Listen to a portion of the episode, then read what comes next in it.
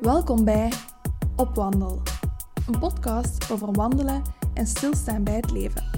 Over verbinding met jezelf, met elkaar en met de natuur.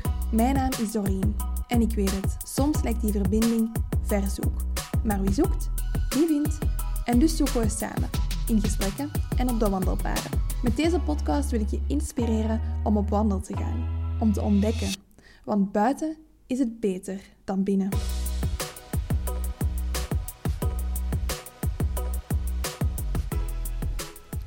Goedemorgen, middag of avond, waar of wanneer dat je ook luistert.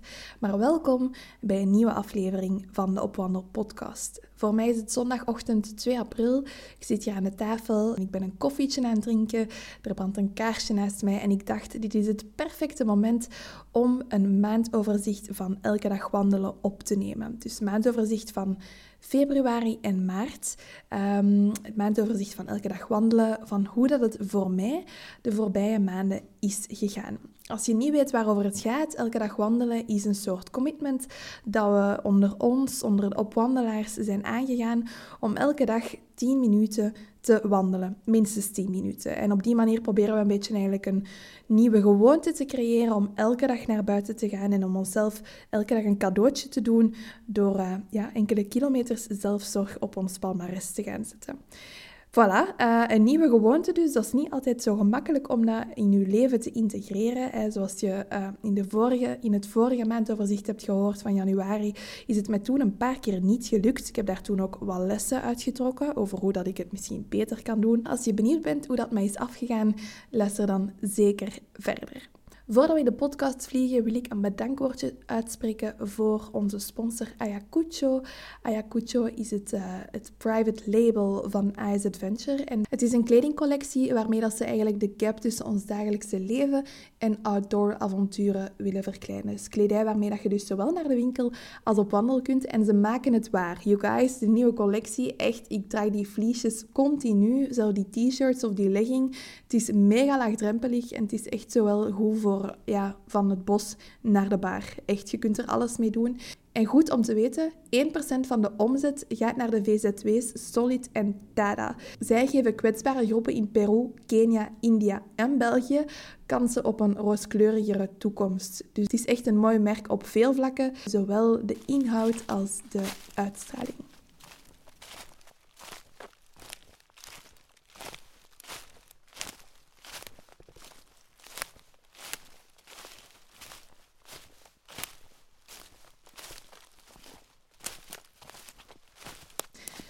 Het was nog wel de bedoeling om, uh, om elke maand een maandoverzicht te maken. Uh, dat is mij vorige maand niet gelukt, want het zijn hier hectische weken. In de vorige aflevering vertelde ik jullie over een geheim project. En dat geheim project is nu eindelijk out there. Um, ik heb een boek geschreven. Een boek. Oh my god. ik vind dat nog altijd zot. Ik weet dat ik als kindje van ja, 12 jaar ooit eens aan mijn laptop zat. Dat ik zei tegen mama, mama, ik wil zo graag een boek schrijven. Ik weet dat nog heel goed en ik was toen begonnen aan een boek over kindsoldaten. Uh, en na drie of vier zinnen had ik zoiets van, wow, onmogelijk een boek schrijven. Want daar kwam, verder kwam ik niet. Maar um, ja, die droom of zo is er wel altijd gebleven. Dus ik vond het heel zot toen ik uh, ja, een paar maanden geleden een mailtje kreeg van Lano, een Lano-uitgeverij met de vraag of dat ik uh, een boek wou schrijven over wandelen en de link met mentale gezondheid, omdat dat iets is waar ik met op wandel toch wel op probeer in te spelen, hè, over, over de kracht van een wandeling voor onze mentale en onze fysieke gezondheid. Dus toen ze met die vraag kwamen, was mijn eerste reactie van wow, wil ik dit wel? Durf ik dit wel? Kan ik dit wel? Heel veel twijfel over mezelf. Um, maar ik besefte dan ook weer van, ja, kijk, dit is een kans die ik met beide handen moet grijpen. En dat heb ik dus gedaan. Ergens eind november wist ik dan definitief dat ik uh, het boek mocht schrijven. Uh, dan waren we ook overeengekomen over wat de titel en de inhoud zou zijn. De titel is dus De 10 levenslessen van de wandelaar. Het is eigenlijk een, um, een samenvatting van alles wat ik de voorbije jaren dankzij het wandelen heb geleerd. Uh, op vlak van hoe dat je in het leven kunt staan. En dat is eigenlijk gekoppeld aan ja, praktische tips over wandelen en, en mooie filosofische en, en persoonlijke anekdotes anekdotes ook. Uh, dus het is eigenlijk een beetje een handboek om te gaan leven als een wandelaar en hoe dat je dat ook kunt toepassen in je dagelijkse leven. Um, dus eind november wist ik dat ik het mocht schrijven. En dan ben ik op solotrip naar Spanje vertrokken. En dat was ook echt met de gedachte van ik ga daar op solotrip mijn boek schrijven. Ik heb heel veel nagedacht over de inhoud en over de structuur. En ja, het boek is een beetje daar geboren. En dan, na mijn thuiskomst in januari, ben ik gewoon keihard beginnen tokkelen. Tokkelen, tokkelen, tokkelen. En uh, eh, 31 januari heb ik mijn eerste versie, mijn eerste volledige versie doorgestuurd naar de redactie van Lano. Um, Vervolgens is daar dan nog wat feedback op gekomen, heb ik dat nog verder afgewerkt, heb ik samen met de illustratrice uh, de tekeningen verder gefinaliseerd. De illustratrice is trouwens uh. Uh, Rense is op wandelaar, zij volgt op wandel echt al van in het begin. En ik aan haar ook, want zij maakt prachtige tekeningen.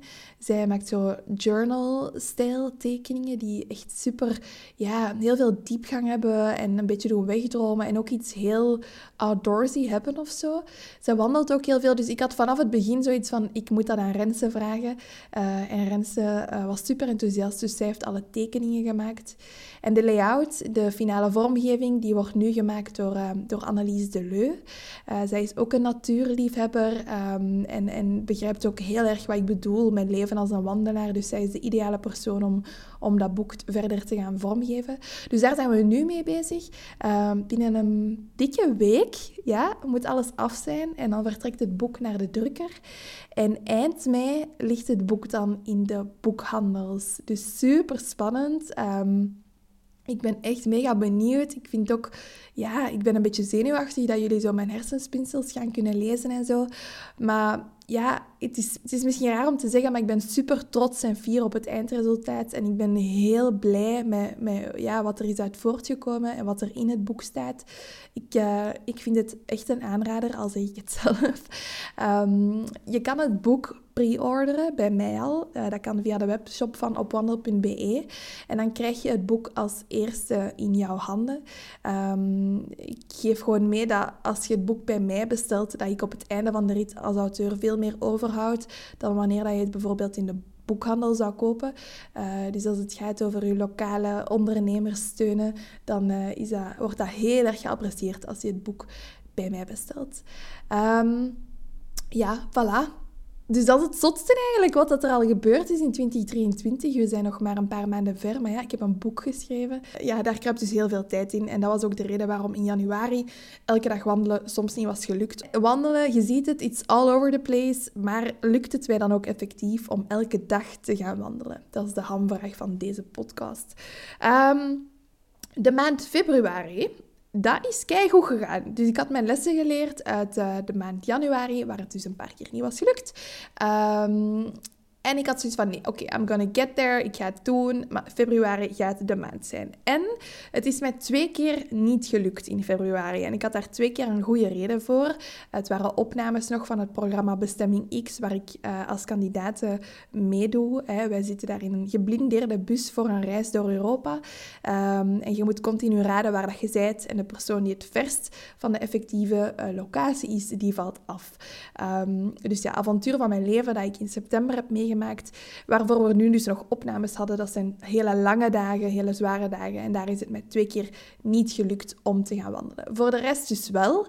Um, soms inderdaad effectief maar 10 minuten, maar ik ben wel echt elke keer gegaan. En um, de grote rode draad een beetje door mijn maand februari en ook een stukje van de maand maart, was dat ik ben gaan dogzitten. Uh, dus een vriendin van mij ging een paar weken op vakantie en uh, ik mocht op haar hond gaan passen. Uh, dat is een windhond, zijn naam is Hugo. heel lief beestje, goed afgetraind, maar heeft dus ook heel veel beweging nodig. wat dus wil zeggen dat, we daar, of dat ik daar drie keer per dag mee moest gaan wandelen. S ochtends, s middags en s avonds. Um, als ik niet zo heel veel tijd had, dus om bijvoorbeeld elke dag een uur of langer te gaan wandelen, dan kon ik ook met een balletje gaan gooien. Ehm, dan gingen we naar een, een losloopweide uh, en dan had ik zo'n tennisbal in een plastieke... Ja, hoe noemt dat eigenlijk? Dat is zo'n ding en die bal zit daarin en daarmee kun je veel verder gooien. Dus dan had ik dat mee en dan ging ik um, tien minuutjes of een kwartiertje met hem met de bal gooien en dan was hij ook afgepeigerd. Dus ja, dat dogzitten, hoe ging dat? Want ik heb het al verteld in de vorige aflevering, ik, droom al lang van een wandelbuddy op vier poten. Ehm, en nu mocht ik dat even een keer in de praktijk gaan testen. Je moet weten, ik heb katten. Ik heb twee katten. Die zijn super zelfstandig, onafhankelijk. En ja, die komen nu niet vaak lastigvallen en zo. Uh, die gaan gewoon buiten wanneer ze het zelf willen. Dus dat is hier in huis en je moet daar wel voor zorgen. Maar dat is niet zo dat je daar continu heel veel rekening mee moet houden. En ik heb nu wel ondervonden met een hond dat dat eigenlijk totaal tegenovergestelde is. En je moet effectief met dat beest naar buiten, want anders kan dat niet.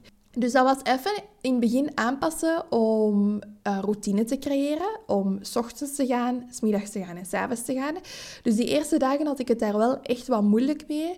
Omdat het meer begon aan te voelen als een verplichting dan als iets waar ik zin in had. Want het was zo van, ah ja, maar ik moet nog met de hond naar buiten.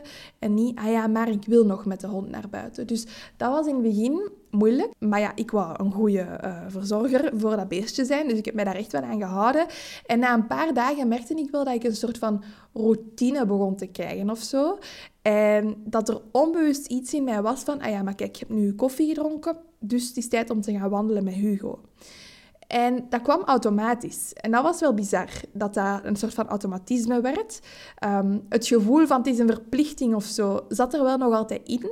Maar het werd minder een opdracht om dat in te plannen in mijn agenda en om daarmee door te gaan. En effectief, door dan die kleine rondjes te gaan doen, dat breekt je dag wel op in stukjes en dat maakt het allemaal wat minder zwaar of zo, uw dag? Weet je, als je een hele dag achter een bureau moet zitten, want ik zit ook echt wel effectief veel achter mijn laptop voor alles wat ik doe, uh, door dan dat op te delen, door drie keer naar buiten te gaan, ja, ik weet niet, dat deed iets. Dat brak mijn dag wel effectief in stukjes. En het feit dat ik met de hond was, gaf mij ook extra motivatie om te gaan wandelen, omdat ik vaak zoiets heb van, oh ja, maar ik ben alleen, of er is niemand om met mij mee te gaan. En ik luister dan wel heel vaak een podcast of zo, maar dat is toch niet hetzelfde als iemand die, die met u aan het wandelen is. Zeker als je drie keer per dag moet gaan, is het soms wel eens tof dat er iemand bij u is. Ehm, en de hond, die, ja, die, die ving dat wel op of zo. Dus ik voelde mij minder alleen het was minder een drempel om naar buiten te gaan, omdat Hugo erbij was. En ik ben in die drie weken dat ik op de hond heb gelet, echt wel vaak in het bos geweest, want zij wonen vlak aan het bos. Um, vaak door een natuurgebied gaan wandelen. Dus mijn natuurtijd of zo is wel enorm vergroot. En ik voelde dat ik op een bepaalde manier echt wel veel trager aan het leven was of zo. Omdat ik echt bewust mijn dagen begon te plannen rond die hond en rond dat gaan wandelen. Dus, conclusie een hond als wandelbuddy is goed en het werkt. En het is, het is een stok achter de deur, maar ook ergens een beetje die verplichting.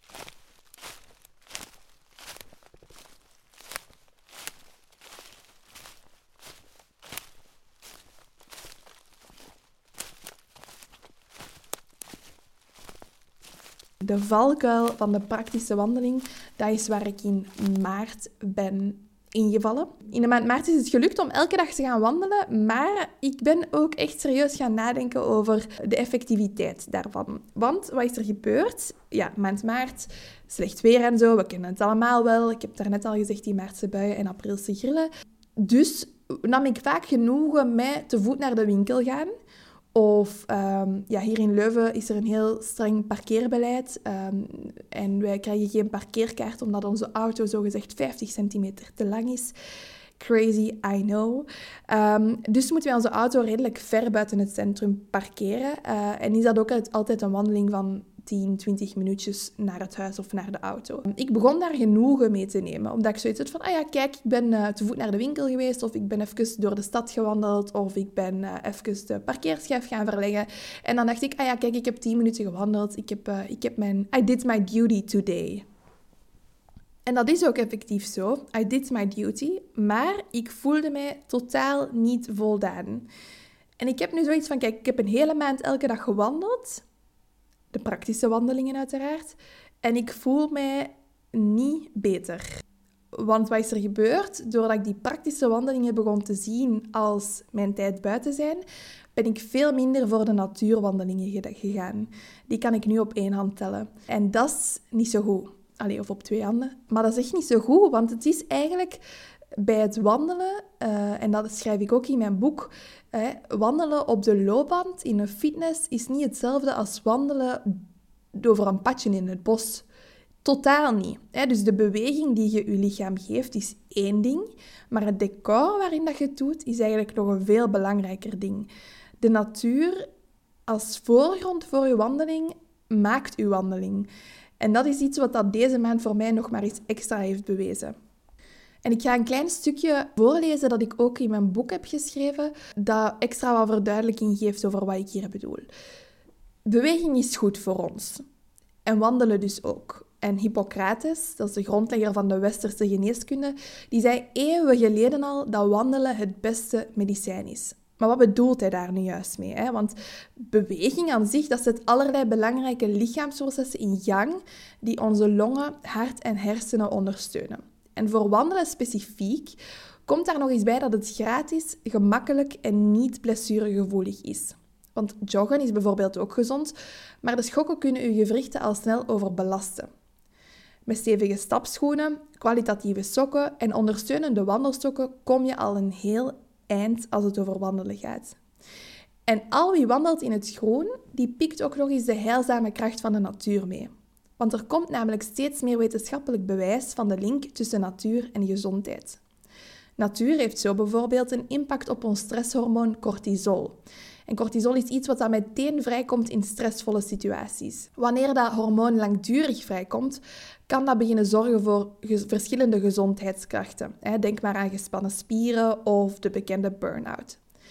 De natuur die verlaagt ons stressniveau aanzienlijk. Dat komt uit die onderzoeken. En straffer nog, alleen al naar natuurbeelden kijken heeft diezelfde werking. Dus dat is eigenlijk ook de verklaring, denk ik, waarom ik vaak in slaap val bij natuurdocumentaires. Niet omdat ze saai zijn, maar omdat ze, mij, omdat ze mijn stresshormoon verlagen en omdat ze mij zo rustig maken. En het valt dus niet te betwisten dat regelmatig in de natuur vertoeven een positief en langdurig effect heeft op ons welzijn. Sommige onderzoekers zeggen zelfs dat contact met de natuur even belangrijk is als basisbehoeften zoals voedsel en een dak boven ons hoofd. En dat is de reden waarom dat de praktische wandeling naar de auto of naar de winkel niet hetzelfde is als een wandeling in de natuur. Dus ja, het is mij gelukt om in maart elke dag te wandelen en mijn lichaam beweging te geven. Maar het is mij niet gelukt om in maart elke dag te wandelen en mijn lichaam rust te geven. Ehm, dus dat is de valkuil waar ik ben ingevallen. En je kunt praktische wandelingen ook op een andere manier zien. Want wat ik in maart ook heb gedaan, het was redelijk druk. Dus begon ik tijdens die, route, uh, die wandelingetjes naar de auto of naar de winkel ondertussen mails te beantwoorden op mijn gsm of die telefoontjes te doen die ik al zo lang aan het uitstellen was. Of DM's te beantwoorden op Instagram. En op den duur was ik eigenlijk in mijn wandeling aan het multitasken op 300 miljoen en één dingen. Het is niet eens een getal, maar bon, je weet wat ik bedoel. Dat ik terugkwam van die wandeling en eigenlijk gestrest was. Dus er klopte iets niet, of er klopt iets niet aan wat ik hier aan het doen ben met de element. En dat is wat ik ook even hier... Misschien zit je in diezelfde valkuil aan het vallen. Um, van, let daarop. Zijt u daar bewust voor dat je niet die gewoonte van elke dag wandelen in je leven integreert op een manier waarop dat het meer iets is wat het u moet dienen op vlak van efficiëntie en prestaties. maar probeer dat echt voor u te zien als iets wat, ja, uw momentje alleen en waar je even de rest van de wereld buiten sluit. Want alleen op die manier ga je, ga je het effect ervan beginnen voelen. Dus dat is ook iets waar ik in april op ga letten. En nog een extraatje dat ik hierbij wil vertellen over uh, het feit dat ik nu begin te multitasken en dat ik bezig ben tijdens mijn wandelingen. Uh, daar wil ik ook nog iets over vertellen. Dat is ook iets wat ik in mijn boek aanhaal en dat gaat over mind wandering of mijmeren en het belang daarvan. Onze hersenen die hebben eigenlijk twee standaard statussen waarin die kunnen vertoeven. Ofwel zijn die geconcentreerd actief, ofwel zijn die verzonken in gedachten. En wanneer dat we onze gedachten de vrije loop laten, noemen psychologen dat dus ook wel eens mind wandering of mijmeren, zoals ik net zei. En je bent dan eigenlijk fysiek wel in de ruimte aanwezig, maar je gedachten, die zijn ergens anders. En je zou kunnen denken dat mijmeren of dagdromen, whatever you call it, dat dat verloren tijd is, maar niets is minder waar. Het is bewezen dat eigenlijk die activiteit van mind-wandering, dat dat je hersenen de kans geeft om het leven te verwerken en op te slaan. En dat is ook het voordeel van die wandelingen in de natuur. Als ik met niks bezig ben, maar gewoon verdwijn in de wereld, dat ik effectief herstel of zo onderbewust. En door die praktische wandelingen te doen, dus naar de auto wandelen en tegelijkertijd mijn mails beantwoorden, ja, verlies ik dat effect. Dus voilà, wat is de les van februari en maart? De les uit februari is een hond is effectief een stok achter de deur en het helpt om een bepaalde routine in te bouwen. Dus om vaste momenten te hebben waarop dat je gaat wandelen en dat ook vol te houden. En de tweede les, of de les uit maart, is dat de praktische wandeling niet de oplossing is. Of toch niet als je er naast de fysieke voordelen ook nog eens de mentale voordelen uit wilt halen.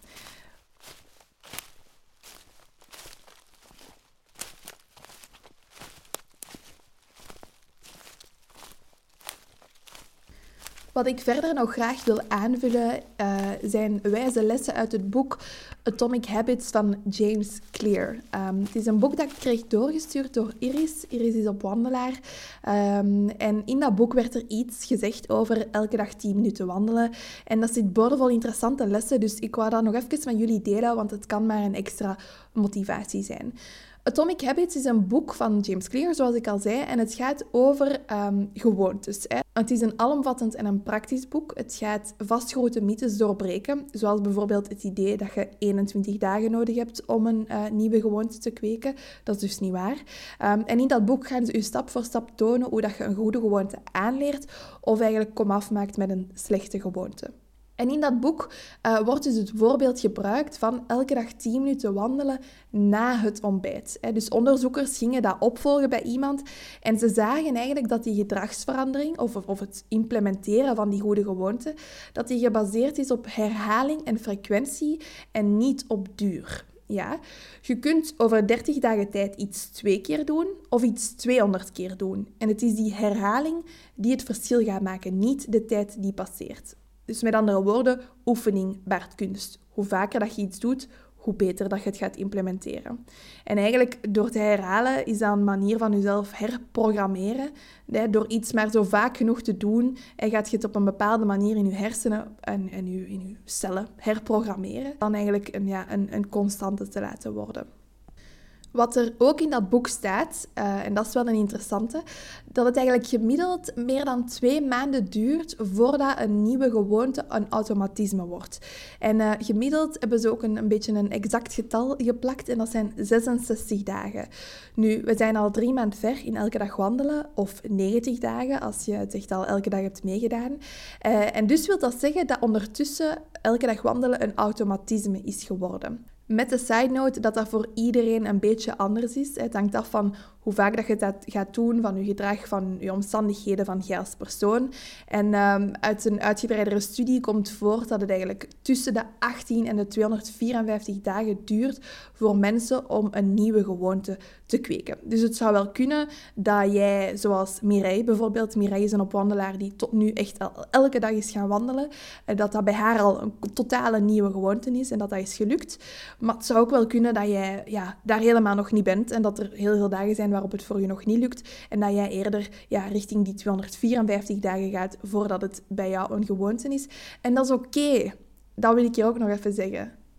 You have to embrace the process. Je moet je toewijden aan het idee van, ah ja, ik wil elke dag gaan wandelen. En ja, kijk, misschien duurt dat totaal niet lang om die gewoonte te creëren. Misschien duurt dat veel langer, maakt niet uit. Het gaat gewoon over het feit dat je die commitment doet, die kleine, um, ja, verbeteringetjes en die kleine veranderingen maakt in je leven. En dat je dat voorrang geeft en niet de gedachte van ik moet hier alles in één keer doen en ik moet hier ineens de grootste wandelaar aller tijden worden. Zo is het niet. Maar take your time, commit to the system, embrace the process.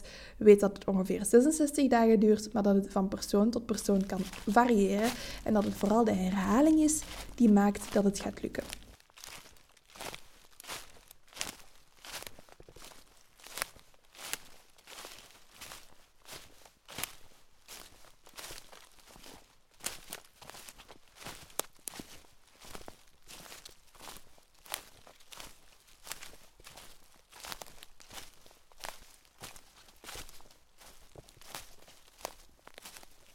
Om af te ronden over het boek van Atomic Habits. Hij geeft daar uh, in een artikel dat ik online heb gevonden ook nog drie concrete praktische tips om eigenlijk die nieuwe gewoonte te gaan hacken uh, en te gaan implementeren in je leven.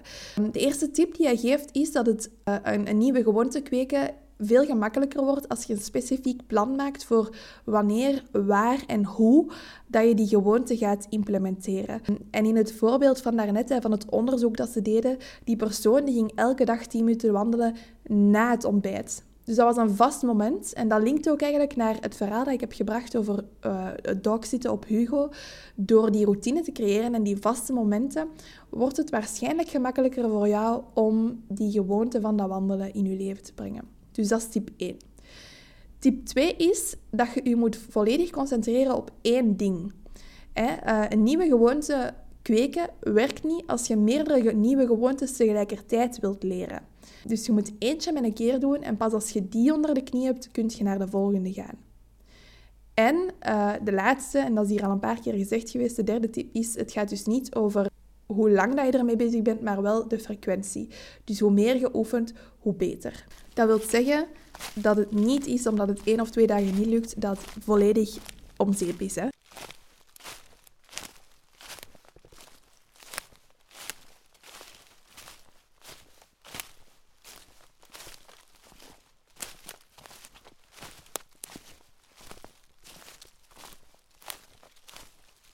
Wat ik ook nog heb geleerd uit de voorbije twee maanden. Ik ben zo iemand die, ja, ik ga niet graag twee keer naar dezelfde bestemming op vakantie. Omdat ik dan zoiets heb van, ja, maar ik ben hier al geweest en dat is zonde van mijn geld. Uh, dat ik nog eens dezelfde bestemming doe. En ik heb dat eigenlijk ook wel met wandelingen. Um, is misschien ook wat beroepsmisvorming, maar ja, ik heb zo vaak het gevoel van ik moet altijd een nieuwe wandeling of een nieuw natuurgebied ontdekken.